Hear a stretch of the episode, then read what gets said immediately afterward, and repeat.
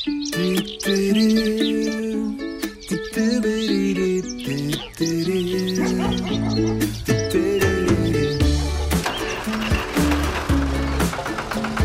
setve do žetve.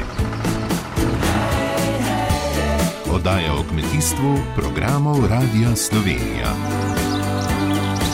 Od setve do žetve.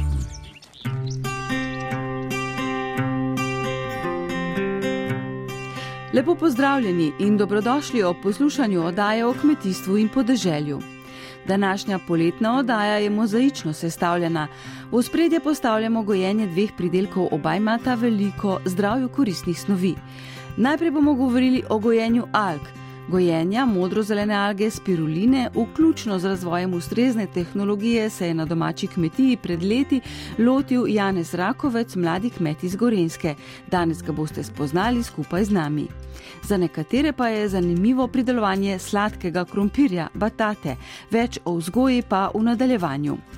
V času stopnjevanja energetske krize bomo s strokovnjakom Tomažem Pojetom iz Kmetijskega inštituta iskali vire obnovljive energije na kmetijah.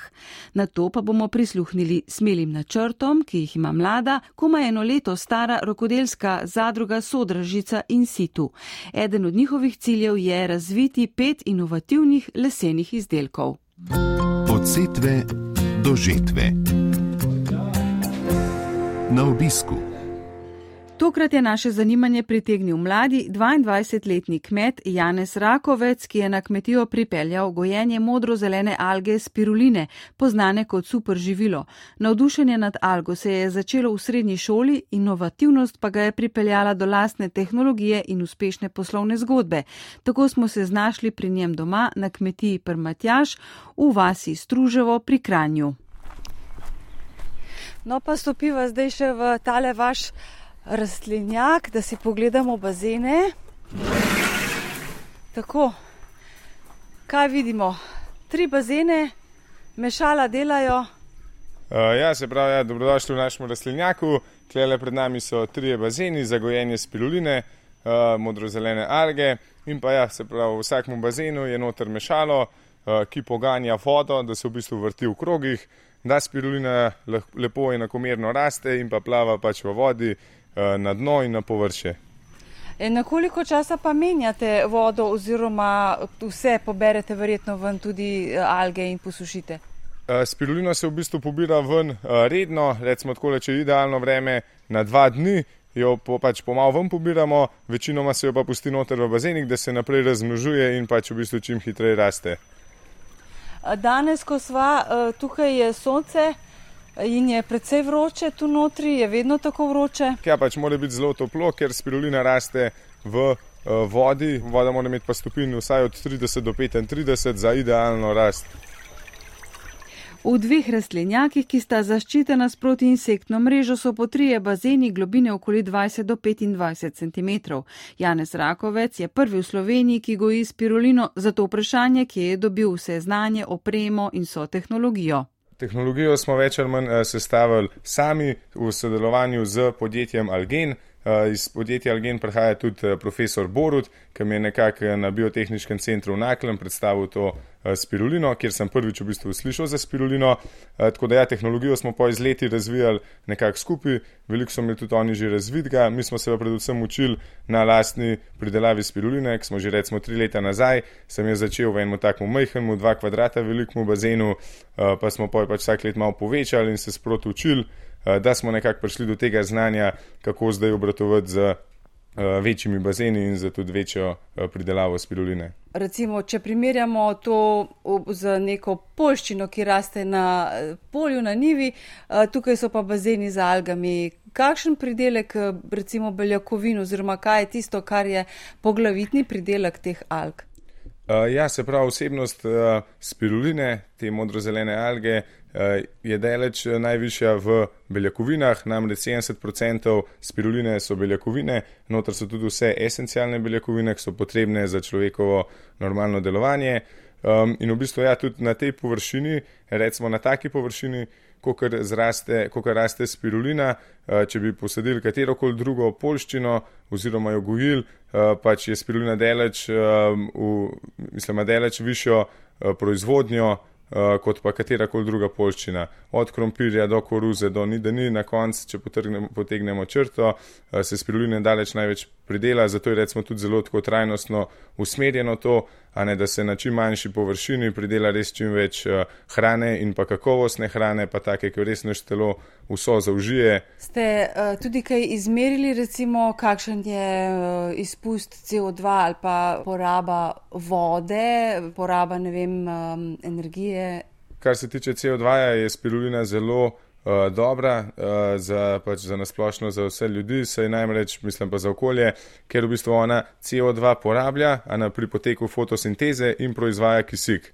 Uh, tako da je zelo dober tudi v tej smeri, kar se tiče vode, tudi gledamo pač je res, da jo, uh, mislim, jo načeloma zelo malo porabimo, jo več ali manj enkrat natočimo noter in jo poj čim dalj časa uporabljamo isto vodo, Gleda, gledamo res na to, da je skozi uh, čist bazen, da se skozi čisti, da se filtrira in tudi pač vodo, ko jo na vsake tok časa potem menjamo, a ne da ostaja še vedno sveža, uh, pač upor, tisto uporabljeno vodo uh, ponudimo za namakanje tako vrtov, kot recimo kleokol polščin. A sploh gojite ali po zimi ali samo poleti. Ja, se pravi, v bistvu, eh, kar se tiče ogrevanja, eh, imamo tudi eh, pač dogrevamo za recimo zgodnje spomladanske dni, pa recimo potem pozne jesenske dni, imamo tako manjšo peč na biomaso, ki imamo tudi veliko svoje gmajne in pač imamo tele sekance, pa pač ogrevamo na to. Drač pa je, ja, kar je pa tako le zdaj v tem času polet, kaj je dost sonca, Eh, se pa spirulina lepo eh, v rastlinjaku sama ogreje, tako da tudi z energijo, pa če veliko ne porabimo, jo več ali manj vse izkoristimo od eh, sonca.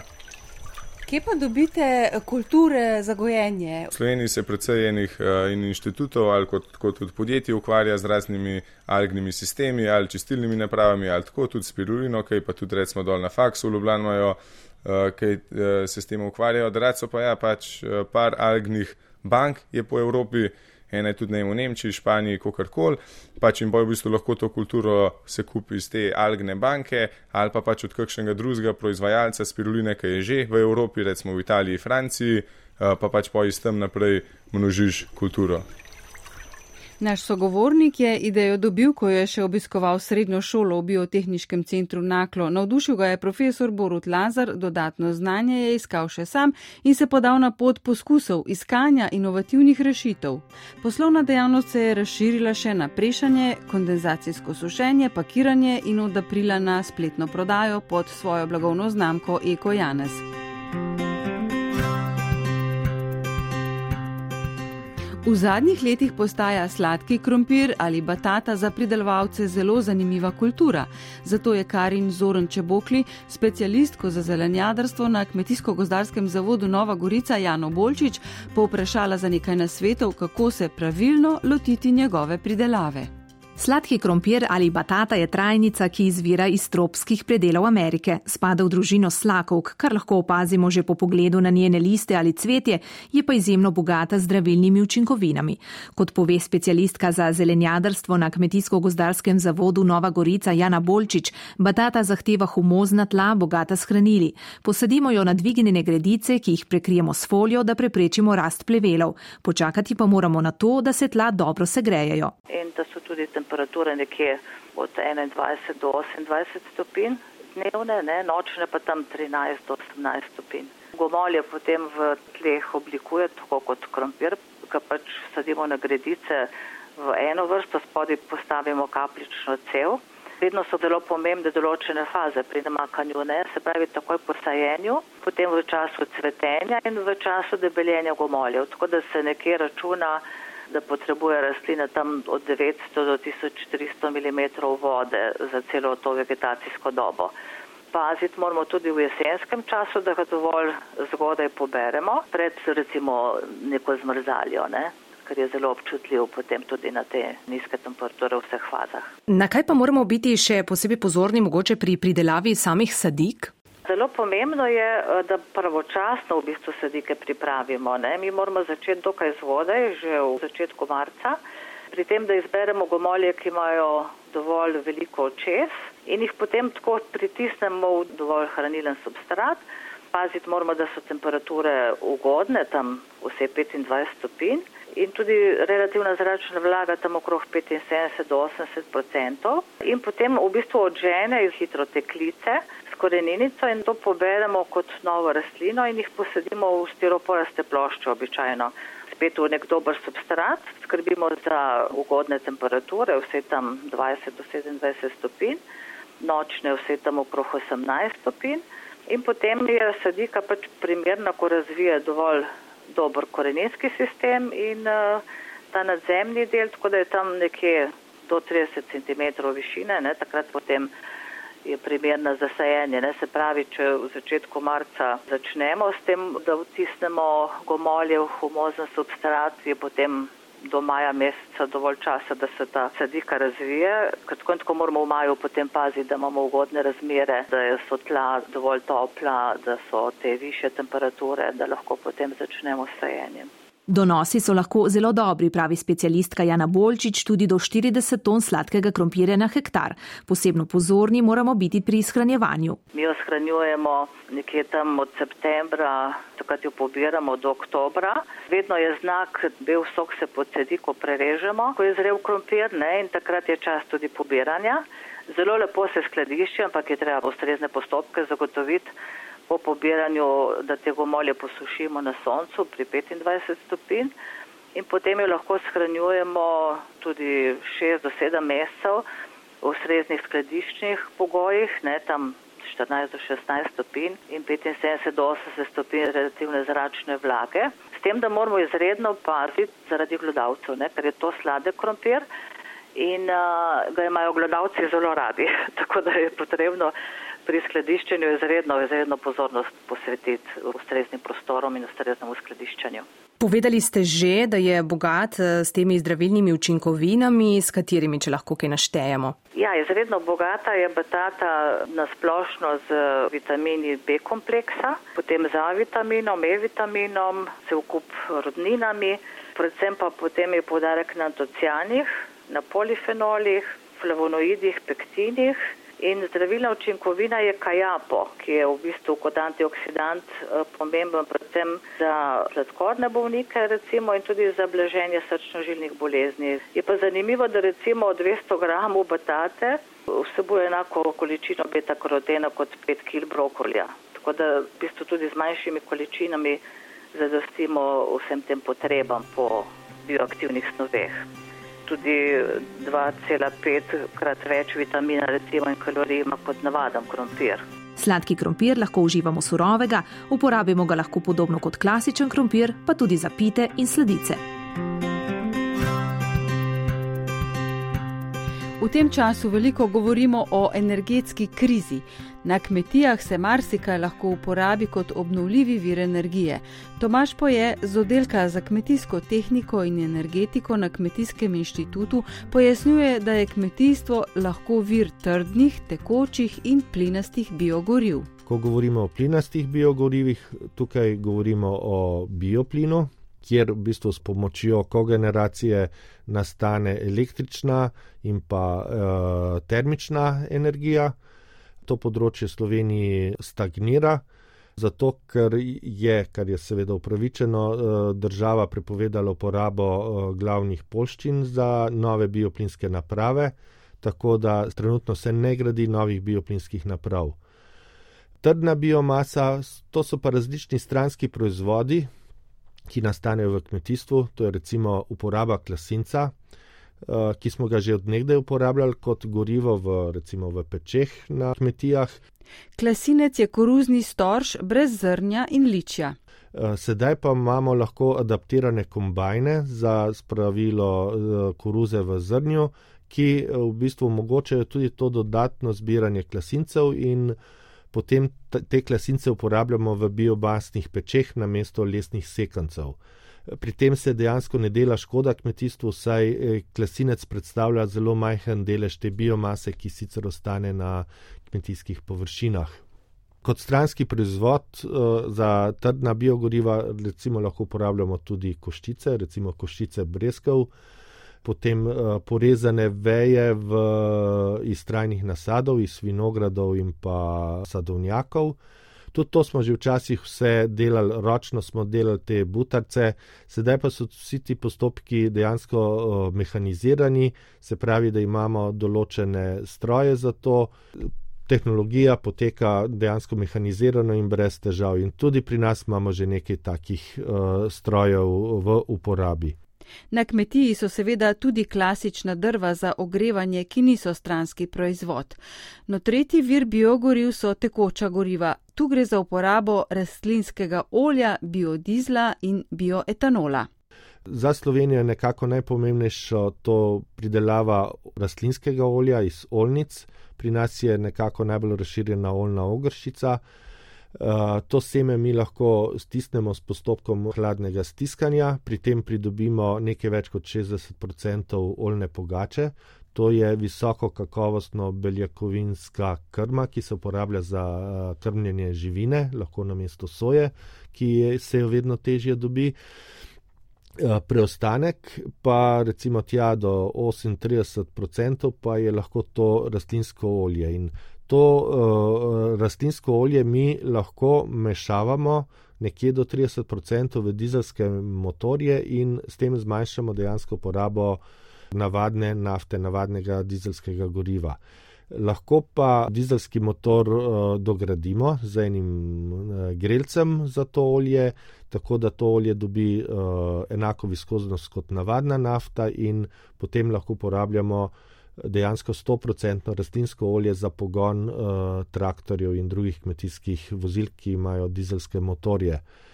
Uh, iz rastlinskega olja se da izdelati tudi biodizel. V Sloveniji smo imeli tovarno v Pinusu Rače, uh, nažalost pa so ukinili to proizvodno in celo eno novo tovarno preselili nekam v vzhodno Evropo. Proizvodnja biodizla dejansko sodi v neko tovarniško pridelavo v tovarnah, ker morajo ustrezati standardom kakovosti za biodizel. Uh, rastlinsko olje pa je dejansko uh, energent, ki si ga lahko kmet sam pridela, stisne, prefiltrira in ga uporablja v teh mešanicah ali pa kot 100-odstotnega, če ima predelan dizelski motor. Od setve do žetve. Dediščina podeželja. Pred dobrim letom ustanovljena rokodelska zadruga Sodražica in Situ se je v sodelovanju z domačo občino in turističnim društvom izkazala kot obetaven, inovativen in trajnostni projekt. Zadružniki so s kooperanti med drugim vzpostavili sistem skladiščanja in odpreme pošiljk ter zagotovili različne dimenzije transportne embalaže. Pripravili so prvi nabor izdelkov za spletno prodajo ter začeli z njo. O vsem tem in načrtih za prihodnost se je Marko Škrl pogovarjal z direktorjem zadruge Gregorjem Pircem. Med prednostnimi nalogami rokodelske zadruge in situ bo zlasti razvoj novih izdelkov, pravi njen direktor Gregor Pirc to uh, vključimo v samo turistično ponudbo od uh, občine Sodražica. V sklopu tega imamo načrt tudi uh, ustanovitev turistično-informacijskega centra v Sodražici. Želimo se skupno promovirati na trgu in biti tako močnejši in povezani. In kakšne so izkušnje po prvem letu delovanja zadruge? Zasnova je dobra zasnova je dobra, treba je pa iti naprej in delati skupaj, ker zadružništvo je združevanje, združevanje zadru, eh, obrtnikov in samo skupaj s sodelovanjem bomo lahko uspeli. Zadruga ta čas šteje 18 članov, še vedno medse z veseljem sprejmejo vse, ki se jim želijo pridružiti. In s katerimi dejavnostmi se večinoma ukvarjajo? Obrtniki se ukvarjajo predvsem z lesno dejavnostjo, so pa to različni, so od strugarjev do uh, klasične uh, lesarske dejavnosti. V sodelovanju z lokalnimi oblikovalci nameravajo v letu dni razviti pet novih inovativnih izdelkov z visoko dodano vrednostjo, kot so naprimer lesena žara, mizica, sestavljiva mizica in uh, med drugim je na, uh, med idejami tudi razvoj ribežna. Razvijali bomo uh, pribor za piknik. Prav v zadružništvu Gregor Pirc vidi možnost, da na trg ponudijo tudi čim večje količine izdelkov. Ni tukaj mišljeno, da samo en obrtnik dela določen izdelek, ampak da si eh, pomagamo, ker smo sami, kot vsak sam, premajhni, da bi zagotavljali za trg. In kakšno je bilo poslovanje zadruge v prvem letu njenega delovanja? Pri nas, če bi prav gledali bilance, smo rahlo uh, blizu ničle, ampak drugače imamo veliko podporo, imamo tukaj zadaj tudi uh, evropske projekte, uh, iz katerih črpamo sredstva, ki nam zagotavljajo, ko bi rekel, nemoteno delovanje zadruge in njen razvoj tako za same izdelke uh, in druga področja. Glede prihodnosti pa Gregorja Pirce veseli, da je med zadružniki že zdaj veliko mladih, ki so prevzeli obrt od svojih staršev. Da za sam podmladek se zaenkrat ni bat, bo pa, bo pa ta izkušnja, eh, da se da tudi z lesenimi izdelki preživljati in eh, graditi neko zgodbo, zagotovo dokaz tudi za marsikoga mlajšega, da bo razmišljal v tej smeri.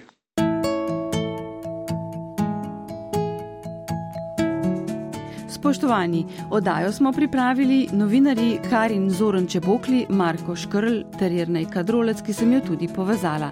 Za zvočno podobo je poskrbel Jrnej Boc.